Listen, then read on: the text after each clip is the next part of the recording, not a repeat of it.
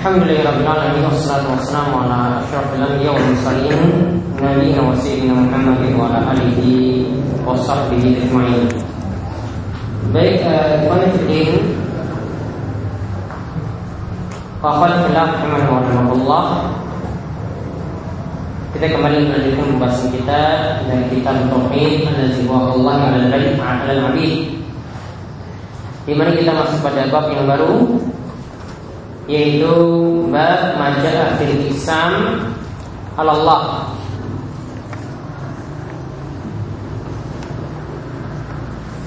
yaitu larangan yang dimaksudnya adalah larangan bersumpah mendahului Allah. Bersumpah mendahului Allah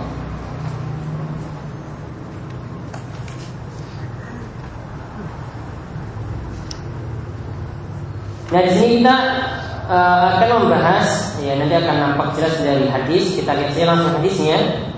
Dari Junduk bin Abdullah radhiyallahu anhu. Ia mengatakan qala Rasulullah sallallahu alaihi wasallam. Rasulullah sallallahu alaihi wasallam itu bersabda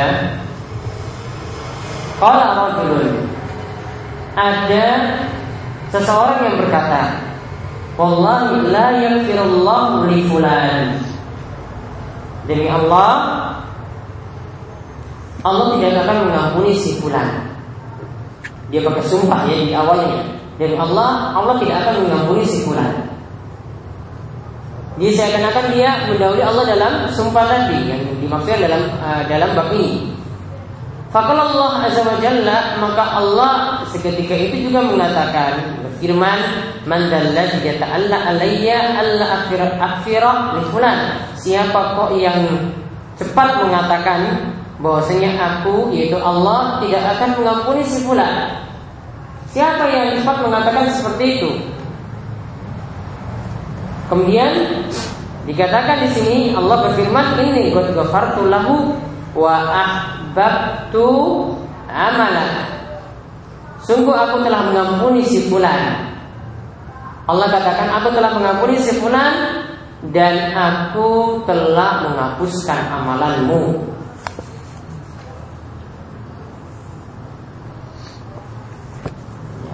Jadi dikatakan tadi lihat manzal ziyata Allah alayya Allah afiru li fulan. Siapa yang telah mendahului sumpah ya, bersumpah mendahului kehendakku bahwasanya aku tidak akan mengampuni sebulan. Kemudian Allah katakan, ya bahwasanya aku telah mengampuninya dan untuk kamu sendiri amalanmu aku hapus. Hadis ini ruwah Muslim diriwayatkan oleh Imam Muslim.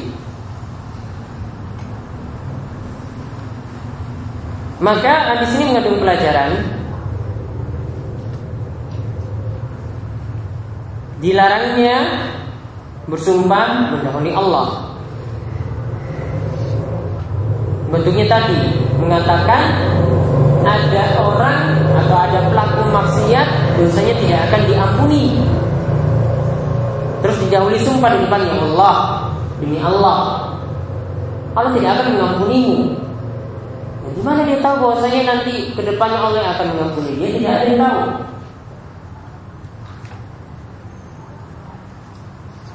Nah kemudian ternyata di sini Allah katakan Allah mengampuninya.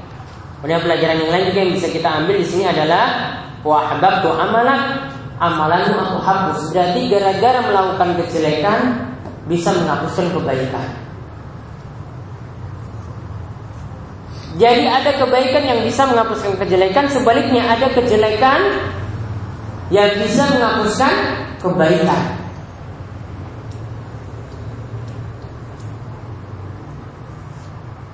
Nah kemudian kita lihat hadis berikutnya dikatakan waktu hadis Abi Hurairah anal qa'ir rajulun abidun.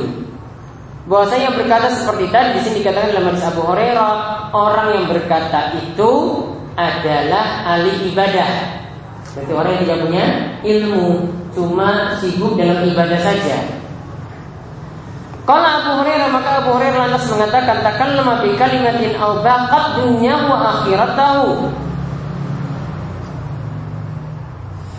ia telah mengatakan suatu kalimat yang di mana itu bisa menyirnakan dunia dan akhiratnya.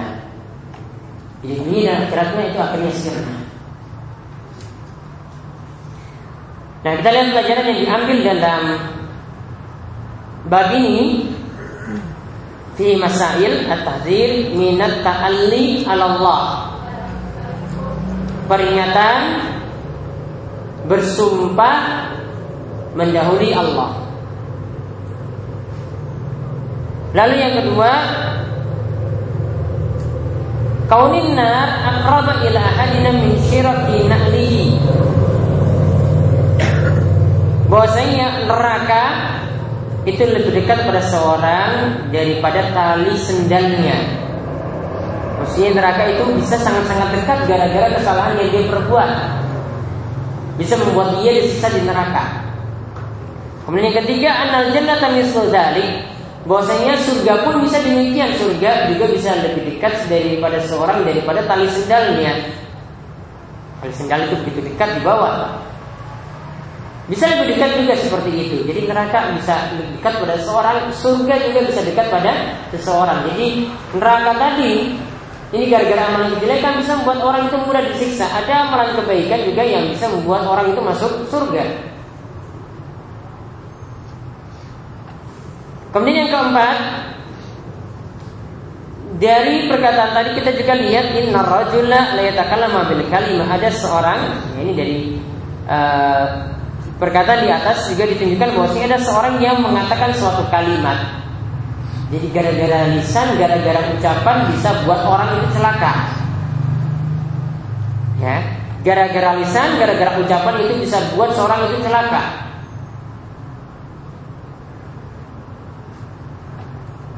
Kemudian yang kelima, ana rajula qad yughfaru lahu bisababin wa min wa min aqrahil umur ilaihi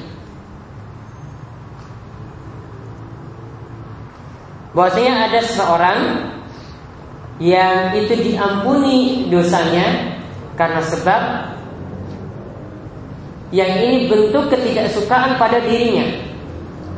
Jadi kan orang lain tidak suka dan mengatakan engkau tidak akan diampuni. Gara-gara ketidaksukaan orang lain ini pada dirinya Nah dosanya itu bisa dimaafkan. Kesalahannya itu bisa diampuni.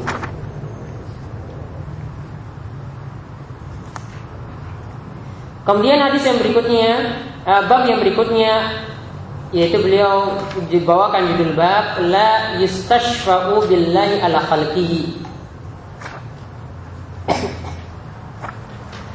La yustashfa'u billahi ala khalqihi. Janganlah uh, jangan atau tidak boleh menjadikan perantara pada Allah, Allah dijadikan perantara untuk minta pada makhluk. tidak boleh menjadikan Allah sebagai perantara untuk minta kepada makhluk. Kan yang dibolehkan ke apa? Kita jadikan makhluk sebagai perantara kepada Allah ketika makhluk itu hidup. Bisa. Namun kalau dari yang masalah dalam bab ini adalah dia jadikan Allah sebagai perantara untuk minta kepada manusia. Jadikan dari yang tinggi bawa ke rendah. Kalau yang tadi sama manusia, ya mintalah doa pada Allah untuk aku supaya aku itu didoakan tetap sehat, orangnya masih hidup. Itu kan berarti dia jadikan makhluk sebagai perantara pada Allah. Itu boleh. Nah ini buat sebaliknya. Jadi jalurnya Allah dulu. Allah jadikan perantara untuk minta pada manusia. Kita lihat hadisnya. Ayat satu hadis ini dibawakan dalam bab ini. Ya dan sekali lagi ini tanda imannya itu bermasalah kok Allah yang maha tinggi, maha mulia kok dijadikan perantara mintanya untuk makhluk. Berarti ini tauhidnya atau imannya itu bermasalah. Kita lihat hadisnya dari Jubair bin Mut'im. Ia berkata, Ja'a Arabiyun ila Nabi sallallahu alaihi wasallam. Ada seorang Arab Badui yang datang menemui Nabi sallallahu alaihi wasallam. Fakola maka ia mengatakan ya Rasulullah nuhikatil anfus wa ja'il ayal wa halakatil amwal.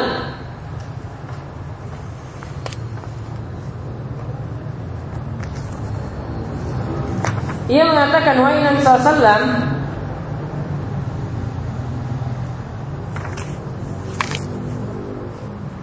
bahwasanya jiwa-jiwa itu sudah pada lemah. Wajah al iyal. Kemudian orang yang miskin itu tambah susah. Wahala katil amwal dan harta-harta pun jadi sirna. Fastakilana rabbaka. Ya, ketika itu terjadi kemarau yang panjang. Kemudian fastakilana rabbaka, mintalah Rabbmu untuk kami fa inna nastashfi'u billahi alaika dan kami menjadikan perantara bagi Allah, perantara Allah menjadikan perantara untuk minta alaika, untuk minta padamu. Jadi Allah dijadikan perantara untuk minta padamu. Wabika Allah dan kami jadikan engkau juga sebagai perantara untuk minta pada Allah. Yang masalah itu pada kalimat tadi, fa inna nastasyu billahi alaika. Itu di garis bawahi. Ya, kami jadikan Allah sebagai perantara untuk minta kepadamu. Maka Nabi SAW ketika itu kaget. Kok bisa Allah jadikan perantara makhluk kok yang diminta? Maka ketika itu Nabi SAW katakan Subhanallah. Ini kalimat takjub. Ya Subhanallah. Maksudnya sini dia mengucapkan maksudnya Allah Tidak pantas Allah dijadikan seperti itu Subhanallah dan dia sebut dua kali Subhanallah Famazala yusabbihu hatta urifa fi ashabihi dan beliau berucap seperti itu mengucapkan tasbih seperti itu sampai diketahui juga raut muka para sahabatnya itu juga berubah kaget melihat Nabi seperti itu jadi Nabi SAW sudah wajahnya sudah berubah sahabatnya itu jadi takut jadi kaget seperti itu semaka kemudian Nabi SAW mengatakan, Wahai Allah, celaka engkau, engkau tahu siapa itu Allah. Inna sya'nallahi a'zam min dzalik. Untuk Allah itu lebih mulia daripada itu. Kok Allah dijadikan perantara? Inna la yustafa la ala ahadin. Allah tidak boleh jadikan perantara untuk minta pada siapa pun. Allah tidak boleh dijadikan perantara untuk minta pada siapa pun. Jadi jangan Allah jadikan perantara untuk minta pada yang lain. Wazakar hadis dan hadis disebutkan selanjutnya rawahu Abu Daud hadis itu diriwayatkan oleh Abu Daud.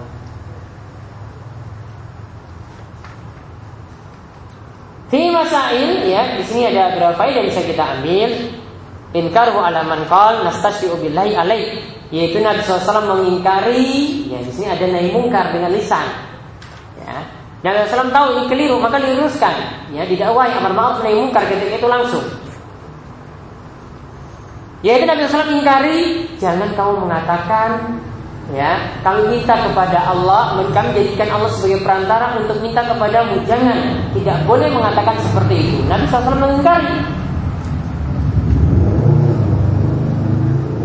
Dan ingkar mungkar seperti ini harus ada. Karena namanya ingkar mungkar itu punya manfaat yang besar. Diibaratkan seperti disebutkan dalam hadis An-Nu'man bin Bashir bahwasanya orang yang mengingatkan yang lain itu ibarat ya kalau ada seseorang di dalam kapal ya seorang di dalam kapal ya atau ada beberapa orang dalam kapal itu atas ya, dari hasil pengundian ada yang berada di bawah kapal ada yang berada di atas kapal kalau orang yang berada di bawah kapal butuh air butuh air laut maksudnya maka dia kan harus lewat atas Terus ambil kan dari atas. Nah, bukan bocor di kapal bagian bawahnya kemudian ambil air. Ini disebutkan dalam seperti itu. Maka kata Nabi SAW seandainya orang yang dibawa itu punya pemikiran bodoh, Ya cara gampang, ya gampang saja sudah dibocorin saja bawah. Kan mudah ambil pada capek-capek naik turun. Kalau yang atas itu tidak ingatkan yang bawah, gimana kapalnya? Kalau yang atas tidak ingkari yang bawah gimana kapalnya? Semua akan tenggelam. Namun kalau yang atas itu ini ingkari yang bawah, semua itu akan selamat. Maka mengingkari kemungkaran seperti itu manfaatnya. Ibarat ya orang itu mengingkari ingin mengingatkan orang yang berada di bawah bagian kapal yang ingin membocorkan kapal bagian bawah supaya bisa dapat air. Jadi kita nasihatin orang lain seperti itu Bukan manfaat untuk orang yang nasihati Bukan Ini manfaat untuk semua Karena musibah atau azab itu ada Lantaran ya kemungkaran itu ada. Kemungkaran yang ada tadi sisa yang ada tadi gara-gara kemungkaran ini bukan hanya menimpa orang yang berbuat maksiat namun seluruhnya. Orang yang soleh kena orang yang fasik juga kena. Nah itu manfaatnya naik mungkar seperti itu. Nah kemudian yang kedua bahwasanya nampak dari wajah Nabi SAW itu berubah dan di sini juga nampak dari wajah para sahabat juga berubah. Ya karena permintaan mereka itu keliru Nabi SAW kaget wajah beliau berubah. Beliau marah juga ketika itu membuat wajah para sahabat juga wah ini Nabi SAW marah. Mereka juga takut ketika itu lihat Nabi SAW seperti itu. Sampai Nabi SAW itu bertasbih subhanallah. Kemudian yang ketiga, namun niat Nabi SAW tidak mengingkari kalimat nastasyubika Allah. Wahai Nabi kami menjadikan engkau wahai Nabi sebagai perantara untuk berdoa pada Allah. Kalimat ini tidak diingkari. Berarti kalau kita jadikan manusia sebagai perantara pada Allah, selama manusia tadi makhluk ini hidup dengar permintaan kita dibolehkan. Ya, ini namanya tawasul pada makhluk ya tawasul pada malu. Ya minta lewat perantaranya orang soleh. Tolong doakan pada Allah ya supaya anak saya ini sehat. Tawasul mintanya kepada makhluk. Makhluk masih hidup. Perantara kepada Allah. Allah tujuannya. Dan kalimat ini tidak Nabi Shallallahu Alaihi Wasallam sanggah. Yang disanggah tadi apa? Yang tadi kalimat nastasyu billahi alaika kami menjadikan Allah sebagai perantara untukmu. Nah itu yang keliru yang diingkari. Jadi ada kemungkaran yang tidak diingkari semuanya. Ya, yang tidak diingkari semuanya. Namun cuma sebagian saja. Yang salah ya dikatakan salah, yang benar ya sudah dibiarkan. Kemudian atambi alat tafsir subhanallah. Tadi diingatkan tentang kalimat subhanallah. Subhanallah juga bisa maksudnya untuk menunjukkan suatu keheranan. Terkagum pada sesuatu. Kemudian yang kelima Anal muslimina yas'aluna sallallahu al-istisqa. Yaitu kaum muslimin ketika itu meminta pada Nabi SAW supaya diturunkan hujan. Jadi meminta hujan pada Nabi SAW Nah ketika itu Nabi SAW akhirnya berdoa ketika hari Jumat. Ya, ini kan awalnya kan keadaan kemarau kering ya kan. Maka hujan tiba-tiba turun ya satu minggu tidak berhenti berhenti. Akhirnya mereka datang lagi pada Nabi SAW mintanya sama. Wahai Nabi SAW ini karena kami ini mau mati, barang-barang kami ini mau hancur, mau tenggelam semuanya. Minta pada Allah lagi supaya hujannya berhenti. Ya, minta lagi sebenarnya pada Allah lagi supaya hujannya berhenti. Tadi padahal minta hujan supaya turun kan, akhirnya berlebih. Minta lagi, tolong berhentikan itu hujan. Mintalah pada Allah supaya hujan itu berhenti. Buat sebaliknya, berarti hujan di sini eh, satu sisi itu membawa dampak jelek, satu sisi itu membawa membawa dampak baik. Nah, kemudian kita lengkapi saja untuk bab berikut. Tadi yang pertama berikut baru bab uh, dalil yang banyak yang di bab perang. Yaitu maja fi himayatil Mustafa sallallahu alaihi wasallam tauhid wa saddihi yaitu perjuangan Nabi SAW untuk membentengi tauhid dari umatnya dan untuk membentengi umatnya dari jalan-jalan kesyirikan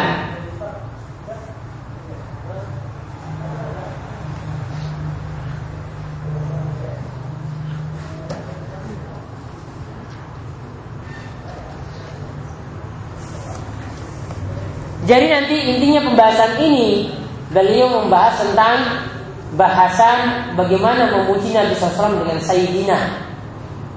Dibolehkan atau tidak? Bagaimanakah memuji Nabi SAW dengan kalimat Sayyidina? Sayyidina Muhammad boleh atau tidak? Ini maksud pembahasan beliau di sini.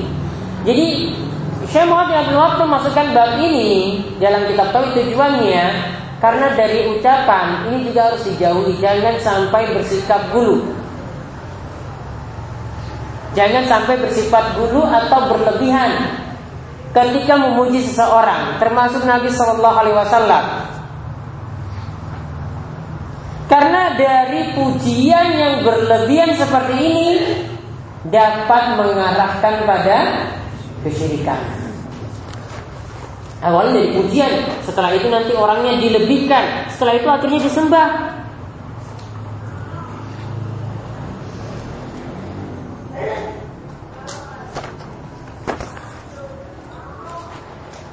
Dan Syekh Muhammad bin Abdul dari ulasan yang ingin beliau sampaikan di sini ini menunjukkan bahwasanya beliau berpendapat ucapan Sayyidina kepada Nabi SAW itu tidak boleh.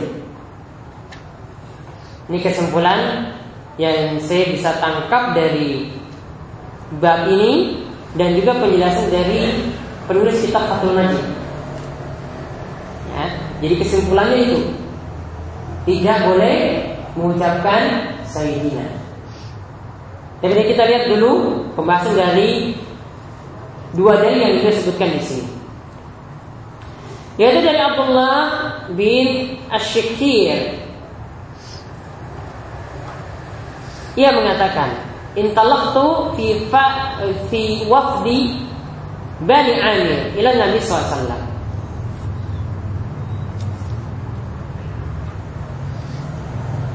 Bahwasanya aku pernah menemui tamu dari Bani Amir. Ini aku menemaninya kepada Nabi SAW. Kemudian fakulna ia mengatakan pada kami antas sayyiduna engkau adalah sayyid kami. Sayyid itu maksudnya tuan. Ya, tuan atau penghulu. Fakal maka ketika itu Nabi SAW mengatakan As-Sayyidullah Tabaraka wa Ta'ala Yang pantas disebut Sayyid Itu adalah Allah Kemudian dipuji lagi. Wa afdalu nafadlan dan engkaulah dan afdalu nafadlan dan engkaulah yang dianggap paling mulia. Wa azuma taulan dan engkaulah yang paling mulia. Fakal maka Nabi SAW itu mengatakan ini pujiannya sudah berlebihan. Apalagi pujiannya di hadapan Nabi Wasallam maka Nabi SAW mengatakan ketika itu kulu bi kaulikum cukup ucapan ucapkan uh, puji uh, beri ucapan yang biasa-biasa saja. Au ba'di atau cukupkan dengan sebagian perkataan kalian. Wala yastajriyannakum syaitan janganlah kalian tertipu dengan setan. Tadi pujian-pujian yang berlebihan tadi itu adalah pujian atas tipuan dari setan. Hadis ini diriwayatkan oleh Daud dengan sana yang jahit. Jadi ini jadi dalil pujian yang berlebihan seperti itu tidak boleh dan yang dia maksudkan di sini juga tidak boleh berarti mengucapkan sayyid kepada Nabi Shallallahu Alaihi Wasallam. Karena ketika Nabi SAW diucapkan seperti itu, beliau menyanggah. Sudah, ucapannya biasa-biasa saja. Atau ucapkan sebagai perkataan kalian saja. Yang kalian tertipu dengan setan. Kemudian yang kedua,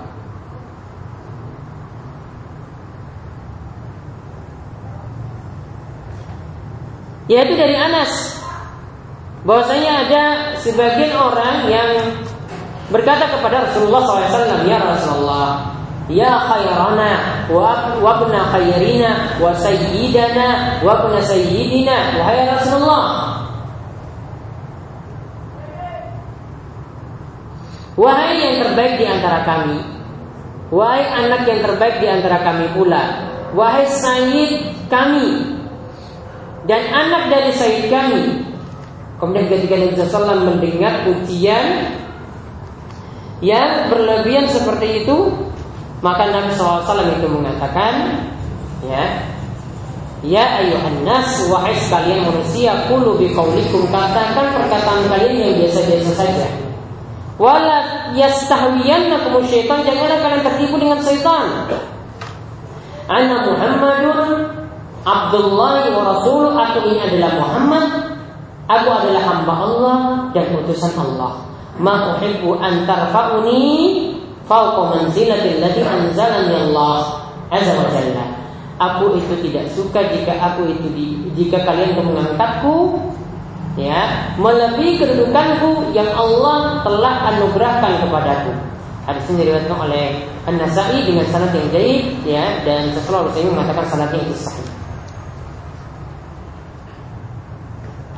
Faedah yang bisa kita ambil di sini bahwasanya hadis-hadis yang ada tadi itu menjelaskan tidak bolehnya bersikap buruk terhadap manusia. Apalagi pujian di hadapan orang lain itu sebenarnya tidak boleh. Sampai Nabi SAW itu mengatakan mau nggak kamu dilempar ya mau kamu itu dengan pasir. Tidak ada yang memuji seperti itu. Jadi tidak boleh memuji orang di hadapannya. Ini juga di antara alasan segera pujian tadi tidak boleh karena ini pujiannya langsung di hadapan Nabi SAW. Karena kalau pujian di hadapan orang, orangnya itu sendiri yang dipuji akan membuat orangnya itu ujub. Kalau itu dia punya amalan dan sebagainya akan membuat dia itu semakin sombong dengan amalannya sehingga terhadap amalannya tersebut. Kemudian di sini dikatakan yang kedua tidak pantas menyebut seseorang dengan antas sayyiduna engkau adalah sayyid kami tidak pantas. Kemudian yang ketiga la yastajriyannakum syaitan ma annahu lam yaqulu illa al-haq Janganlah kalian tertipu dengan setan. Padahal di sini yang dikatakan itu benar. Nabi SAW itu said mereka, orang yang terbaik di tengah-tengah mereka. Namun karena ini pujian di hadapan Nabi SAW maka itu tidak boleh. Kemudian keempat, Muhibbu antar fauni fauqa manzilati. Aku tidak suka kata Nabi SAW. Kalian untuk mengangkatku lebih daripada kedudukanku. Namun kesimpulannya bagaimana tentang ucapan Sayyidina? Ya, ucapan seperti ini pernah diucapkan pada cucu Nabi SAW dipanggil Sayyid ya kepada Hasan dan Hussein dipanggil Sayyid dan itu tidak adalah masalah. Jadi intinya di sini larangan di sini Sayyid kepada Nabi SAW itu ketika dipuji di hadapan beliau maka beliau tidak suka. Dalam rangka tawadhu.